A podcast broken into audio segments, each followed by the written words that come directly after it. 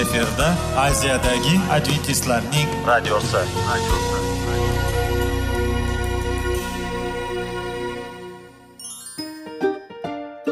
Assalomu alaykum aziz radio tinglovchilar. Sog'liq daqiqasi rubrikasiga xush kelibsiz. Zero tananing sog'lom bo'lishi va uning kasalliklardan saqlash har bir insonning burchi hisoblanadi. Inson uchun bebaho boylik bu sog'liq salomatlikdir. Uni asrash esa har birimizga omonat qilib berilgan. Shuning uchun ham inson o'z sog'lig'ini ehtiyot qilishi voajib amallardan hisoblanadi. Dono xalqimiz sog'liq tuman boylik deb bejiz aytmagan. Aql idroq sohibi bo'lgan inson o'z hayotini qadrlashi lozim bo'ladi. Hozirgi kunda qanchalik dori darmonlar ko'paymasin tibbiy muassa sifati shifokorlar vasiyasi tibbiy texnika yaxshilanmasin.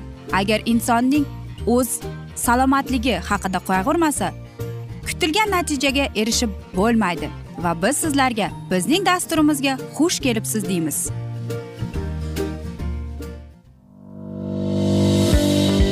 Sog'liq daqiqasi soliqning kaliti qiziqarli ma'lumotlar faktlar.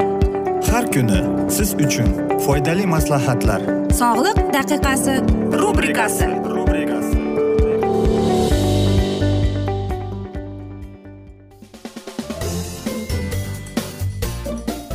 assalomu alaykum aziz radio tinglovchilar. Dasturimizga xush kelibsiz va biz sizlar bilan foydali ichimliklar degan dasturda xushvaqt bo'ling deb aytamiz.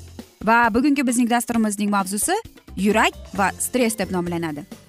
Yigirmanchi asr davomida stress bilan bog'liq e, bo'lgan ruhiy va jismoniy muammolar turli qo'rqinchli o'sish bor dedi.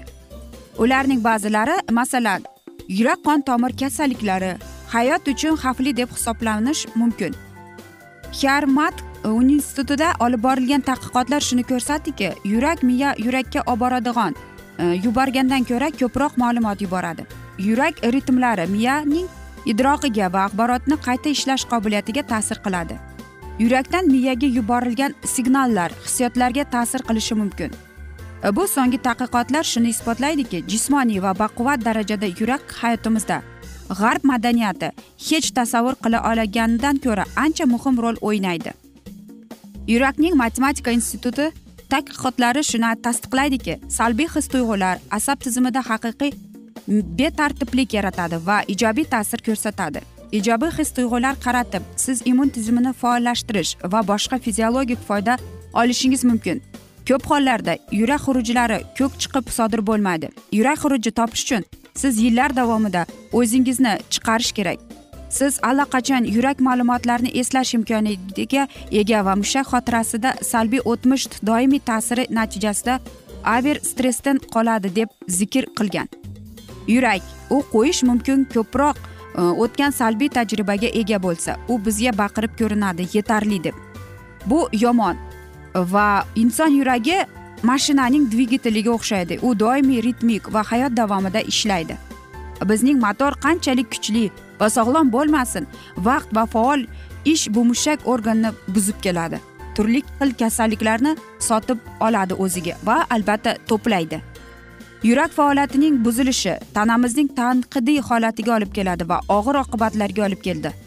Statistik ma'lumotlarga ko'ra yurak qon tomir kasalliklari dunyo aholisining o'lim sabablari orasida birinchi o'rinni egallaydi. Chekish spirtli ichimliklarni suiiste'mol kam jismoniy faoliyat ortdi va tana og'irligi gipertoniya doimiy stress va kambag'al ovqatlanish bu kasalliklar uchun ko'p xavf omillar bo'lishi mumkin.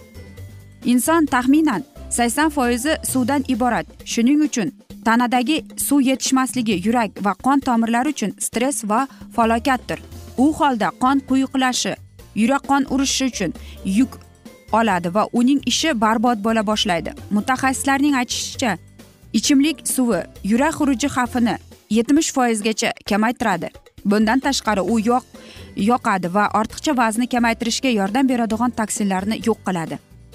Oddiy yurak funksiyasi uchun kattalar kamida ikki e, aytaylik ikki litr suv iste'mol qilishlari kerak. Ya'ni demoqchimizki sakkiz stakan e, suvni iste'mol qilishingiz kerak. Yurak va qon tomirlari uchun eng yaxshi yordamchi va davolovchi uzum sharbati hisoblanadi.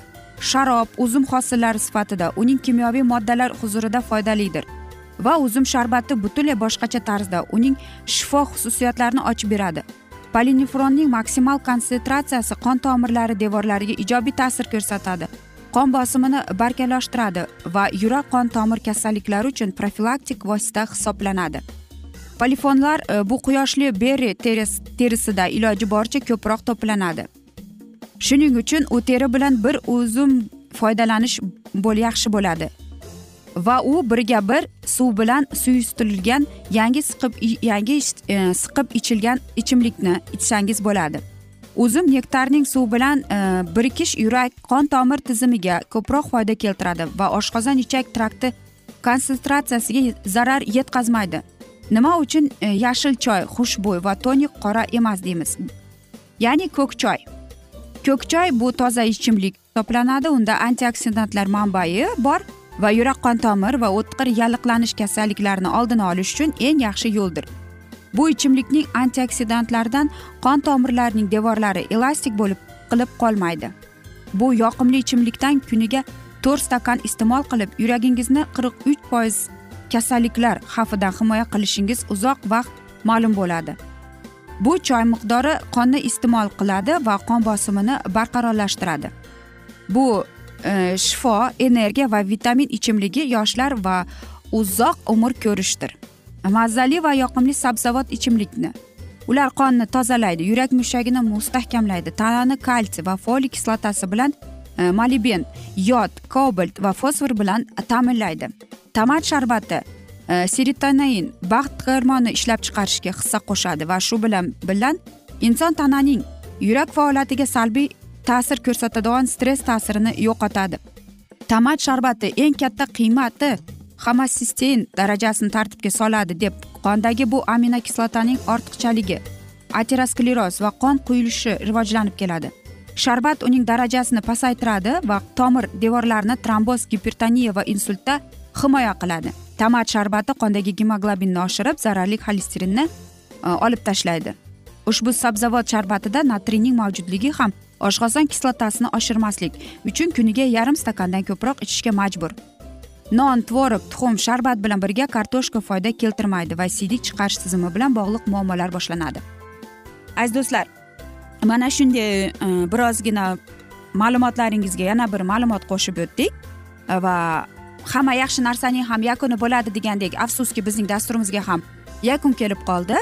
E, chunki vaqt birozgina chetlatilgani sababli lekin keyingi dasturlarda albatta mana shu mavzuni yana o'qib eshittiramiz. Va sizlarda savollar tug'ilgan bo'lsa biz sizlarni salomat klub internet saytimizga taklif qilib qolamiz. Va biz umid qilamizki siz bizni tark etmaysiz deb chunki oldinda bundanda qiziq bundanda foydali dasturlar kutib kelmoqda.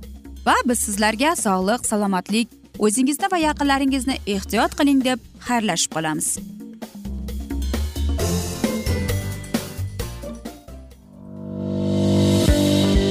Sog'liq daqiqasi soliqning kaliti qiziqarli ma'lumotlar faktlar. Har kuni siz uchun foydali maslahatlar.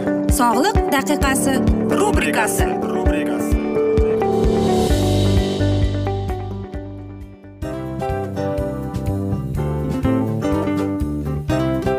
Mana ha hayotda hamma narsaning yaxshi narsalar tugaydi va yakunlaydi degandek bizning dasturimizga ham yakun keldi. O'ylaymanki bizning dasturimiz sizga foydali bo'ldi deb aziz radio tinglovchimiz. Va siz o'zingiz uchun kerakli xulosalar kerakli maslahatlar olib oldingiz. Aziz radio tinglovchimiz biz bilan qoling va keyingi dasturlarimiz albatta undanda qiziqroq bo'ladi. Mana shu alfozda sizlar bilan xayrlashib qolaman.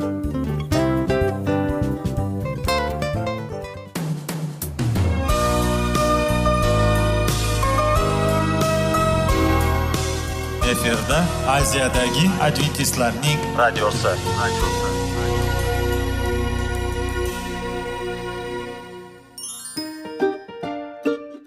Assalomu alaykum aziz radio tinglovchilarimiz. Dil izhori dasturimizga xush kelibsiz. Pul insonni baxtli qiladimi? Albatta yo'q. Sog'liqchi? Albatta bo'lishi mumkindir.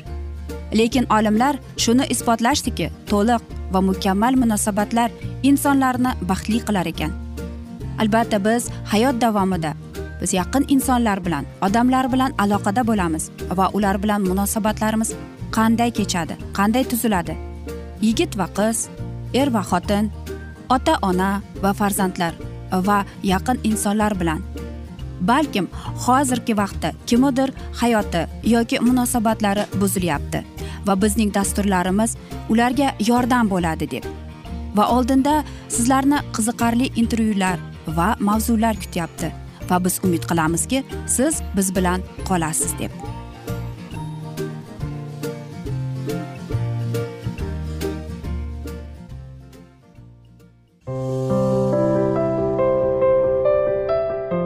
Kuni har xil kasbdagi odamlar bilan sirlashish va bo'lishish sevgi rashq munosabat bularni hammasi dil izhori rubrikasida.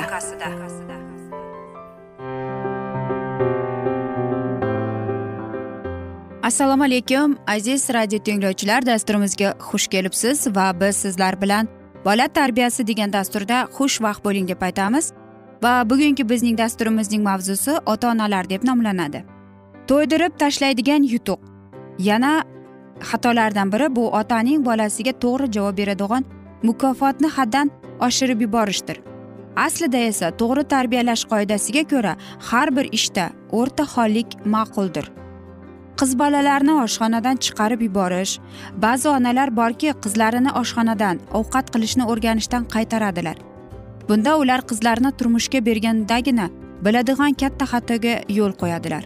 Ana shuning uchun onalar qizlariga turmush hayotida kerak bo'ladigan ta'limotlarni hozirda haftada bir kun bo'lsa ham berib borsinlar. G'azab g'azab.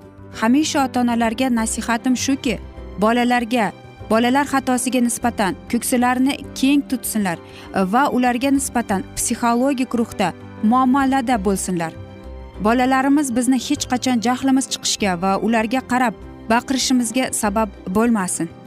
Er xotin urushi ota onani bolalar oldida janjallashi onaizor xo'rlanishi otajonisi hurmatsizlanishi ko'rayotgan kichkintoylar uchun haqiqiy qurbon bo'lishdir.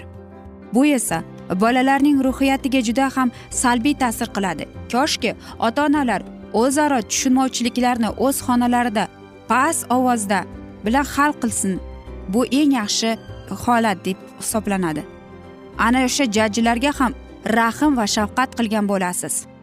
Men charchaganman degan so'zni ham ko'p ota onalar ishlatadi. Bolajonlar birga o'ynashlari bir narsalar o'rganishlari va gaplashishlari uchun otalarni ishdan qaytishni maroq bilan kutadilar. Ammo ota ishdan charchab kelgani yoki asabi torligi sababidan uyga kirib hech kim hech narsa gapirmasligini so'raydi. Mana shunday holatlar bolalarni tushkunlikka tushishlariga hamda ularni noumid bo'lishlariga sabab bo'ladi. Natijada ota ular ishongan va suyangan o'rtoq bo'lolmaydi. Maktabdagi holatidan xabardor bo'lib turmaslik.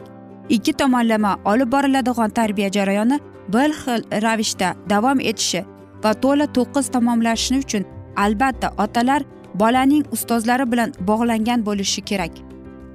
Birovlarni haqoratlash ba'zi ota onalarning farzandlari bilan birgalikda bo'ladigan o'tirishlari ya'ni rahbarlar ustozlar qo'ni qo'shnilar va shunga o'xshash har xil toifadagi kishilarni tanqid qilish bilan o'tadi. Buni bolalar eshitib oladida boshqalarni haqorat qilishda g'iybat qilishda va kim bo'lishidan qat'iy nazar mensimaslikda ota onalariga ergashib natijada hech kim narsani hurmat qilmay qo'yadi. Nazoratning yo'qligi. Televizorda nima ko'ryaptilar qachon ko'ryaptilar va qanchalik foydalanyaptilar qaysi bo'linmalarga kiryaptilar qanaqa gazetalar o'qishyapti foydalimi yoki bekorchimi degan savollarni berish kerak har bir ota ona bularni bilib turish uchun ota onalarda bolalariga nisbatan zo'ravonlikdan iborat bo'lmagan nazorat bo'lishi shart. Mana shu barchasini gumon va shaq paydo qilmasdan olib borish xatolarni to'g'irlashda hamda to'g'ri yo'naltirishda juda katta hissa qo'shadi. Hammaga barobar nazar tashlamaslik hammaga barobar e'tiborli nazar tashlamoq ham bola tarbiyasida muhim rol kasb etadi. Goho buni ota onalar ham murabbiylar ham e'tiborga olmaydilar. Vaholanki bu bolada juda ham ajablanarli darajada ta'sir qiladi. Hatto bola boshqalarga qaragandek menga qaramayapti tushunchasida gapirilayotgan gapga ham quloq solmasligi mumkin. Uzri yo'q. Otani o'rtog'iga o'g'liga yo xotiniga uzr aytishi bolaning ruhida insonlarga nisbatan tavozuli bo'lishni va haq ekanliklarini e'tirof qilishni urug'ini ekadi. Ammo uzr aytishni e, hujjat bilanmi hujjatsizmi tark qilish bolani xatosini tan olmasligiga oxir oqibatlarga esa mutakabbir bo'lishiga olib keladi. Yuzga urish bolani yuziga qo'lni ko'tarib urish bu uning sha'nini xo'rlash demakdir. Bundan dinimiz qaytarganlar bor chunki bunda allohning azlagan va chiroyli suratda yasab qo'ygani xo'rlash bilan barobardir. Bu faqatgina dangasa tarbiyachiliklarga odat deb aytishadi. Tarbiyadagi xatolarimizdan biri bolalarimiz o'rniga javob berishimiz va ularning tilidan gaplashishimizdir. Bu esa bolaning shaxsiyatini zaiflatiradigan eng katta omillardan hisoblanadi. Bolani oldida qo'rqqanini bildirish bola atrofdagilardan yaxshigina tasvirlanadi. Masalan onasini hasharotdan qo'rqib baqirganini ko'rsa va yo otasini kuchukdan qo'rqqanini bilsa u ham albatta hasharotni ko'rsa baqiradi kuchukni ko'rsa titraydi. Moddiy jazo. Tarbiyaviy e, jihatdan faqatgina moddiy rag'batlantirish yoki ma'lum narsalarni hadya qilish unchalik yaxshi baholangan emas. Oilang bilan birga o'tirgin. Mana shunday ya'ni dasturxonda uyda bo'lishdan qat'iy nazar. Birga vaqtingizni o'tkazing. Kattalar ham qiladigan xato kattalar ham ko'z oldida xato ish qilib keyin esa unga jazolantirolmay xuddi shu xatoga bilan bolani jazolashtirishi bu ham katta xato va nohaqsizlik deb hisoblanadi. Boshqalarni oldida izza qilish bolani o'rtoqlari tengdoshlari va qo'shnilar oldida noqulay vaziyatga tushirish bolani xo'rlaydigan ruhin sindiradigan ishdir. Hatto bu ish murg'ak bolani asabiyatiga qattiq ta'sir qiladi va hech qachon hech qanday bola rivojlanishiga foyda bermaydi. Aziz do'stlar hamma yaxshi narsaning ham yakuni bo'ladi degandek afsuski biz ham dasturimizga yakun kelib qoldi. Chunki vaqt afsus birozgina chetlatilgani sababli. Lekin keyingi dasturlarda albatta mana shu mavzuni yana o'qib eshittiramiz. Va umid qilamizki siz bizni tark etmaysiz deb chunki oldinda bundanda qiziq bundanda foydali dasturlar kutib kelmoqda. Va biz sizlarga va oilangizga tinchlik totuvlik sog'lik salomatlik tilab yuzingizdan tabassum hech ham ayrimasin deb seving seviling deb xayrlashib qolamiz.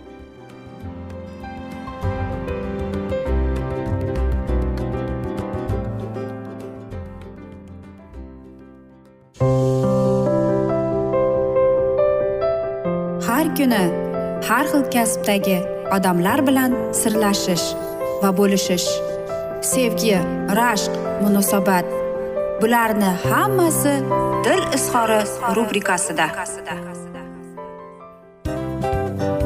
Mana aziz radio tinglovchimiz bizning go'zal va foydali va chiroyli dasturimiz yakunlanib bormoqda. Sizlarga birozgina maslahat berib o'tmoqchi edik. Bir biringizni seving. Qadringizga yeting.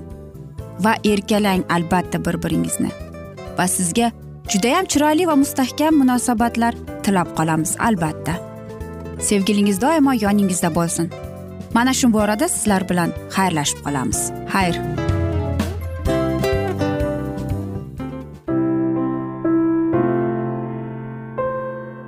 Hayotning noni. Qiziqtirgan savollar va javoblar. Buning hammasi ko'ngil uchun oziqa rubrikasida.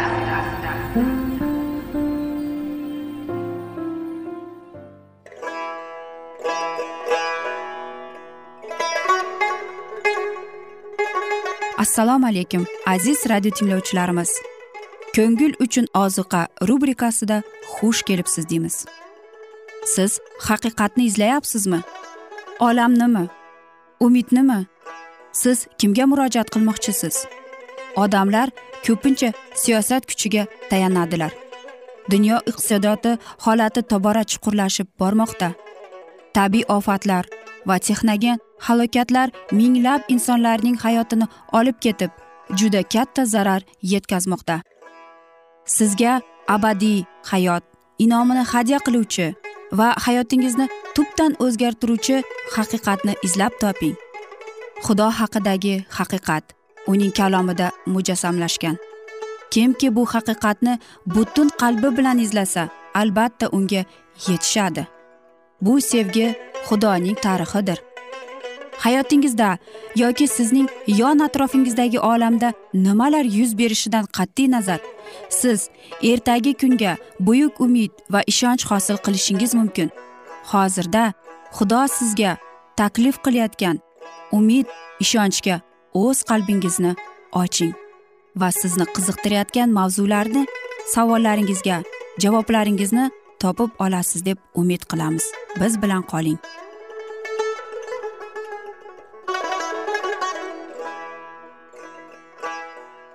Assalomu alaykum aziz radio tinglovchilar. Dasturimizga xush kelibsiz va biz sizlar bilan ulug' kurash degan kitobni o'qib eshittirishni boshlagan edik. Va bugungi bizning dasturimizning mavzusi xudoning so'nggi ogohlantirishi deb nomlanadi va biz sizlar bilan o'tgan galgi mavzuni bugun davom ettiramiz. Ayni paytda davlat qonuni bo'yicha va to'rtinchi amirga zid ravishda soxta shanbaga rioya qilish xudoga qarshi kurashuvchi hokimiyat sadoqatning ochiq qasamyoti bo'ladi. Xudoning qonuniga itoat etish belgisi sifatida haqiqiy shanbaga rioya qilish yaratganga sodiqlikning guvohligi bo'ladi.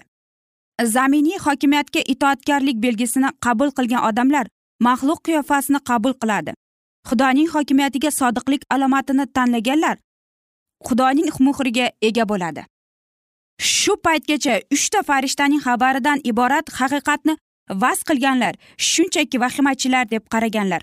Ularning qo'shma shtatlarda yana dinga qarshi murosasiz kurash boshlanadi.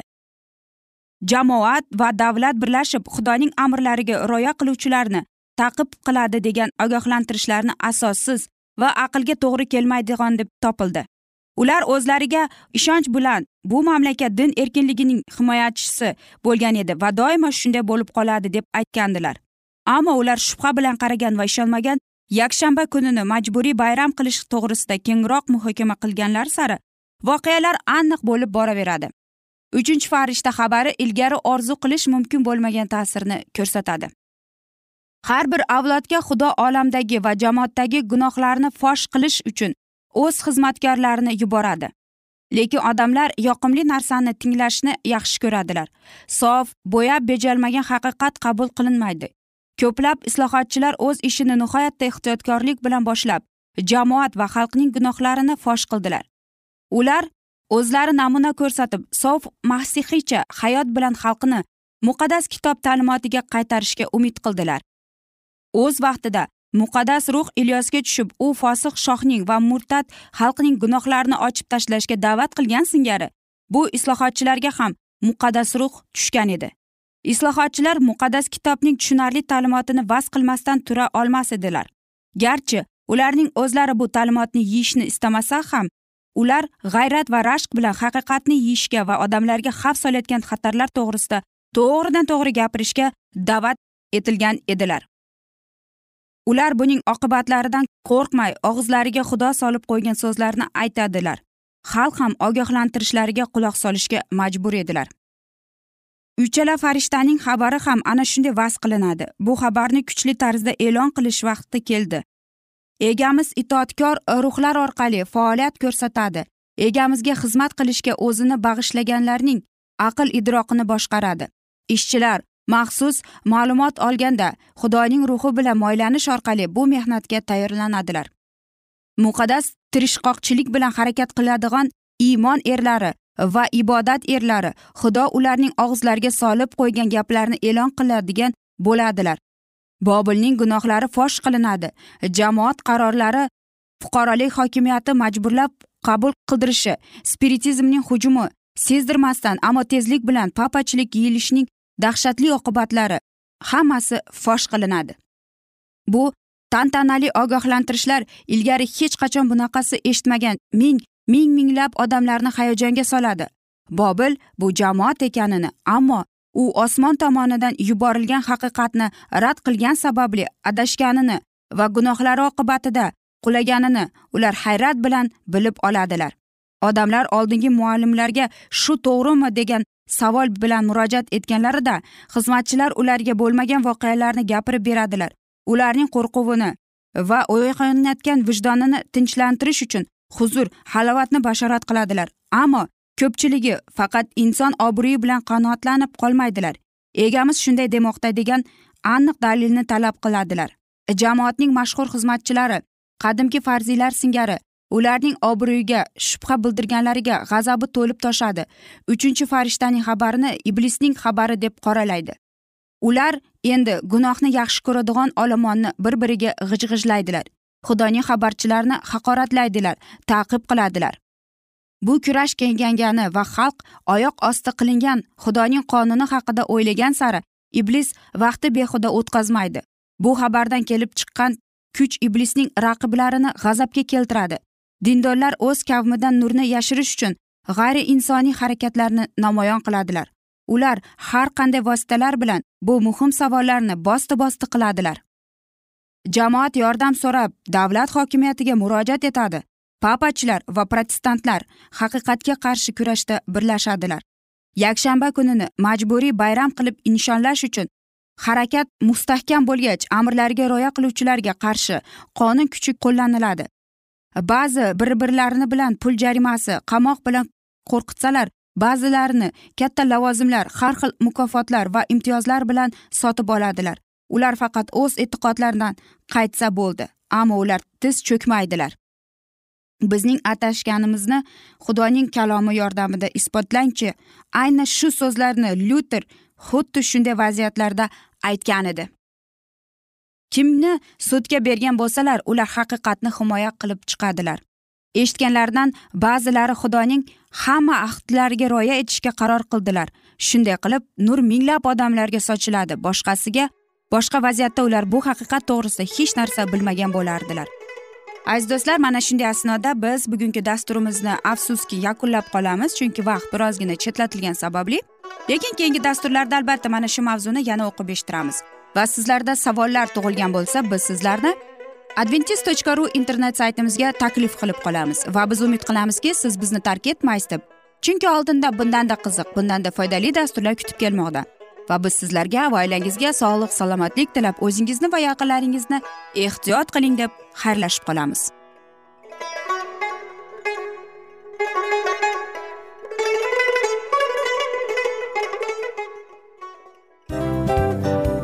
Mana aziz radio tinglovchimiz hamma yaxshi narsaning yakuni bo'ladi degandek bizning ham dasturlarimiz yakunlanib qolmoqda. Aziz do'stlar o'ylaymanki bizning dasturlarimiz sizlar uchun judayam foydali bo'ldi deb. Bizning dasturlarimizdan siz o'zingizga foydali va judayam kerakli maslahatlar oldingiz deb.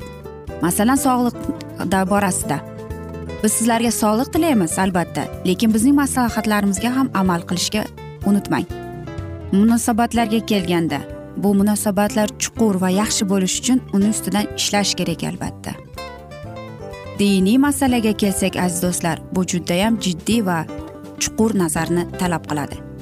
Ammo biz sizlar bilan xayrlashib qolmaymiz keyingi dasturlarda eshittirishimizni davom ettiramiz va sizlar bilan mana shu yaxshi kayfiyatda xayrlashib qolamiz. Va keyingi dasturlarda ko'rishguncha xayr!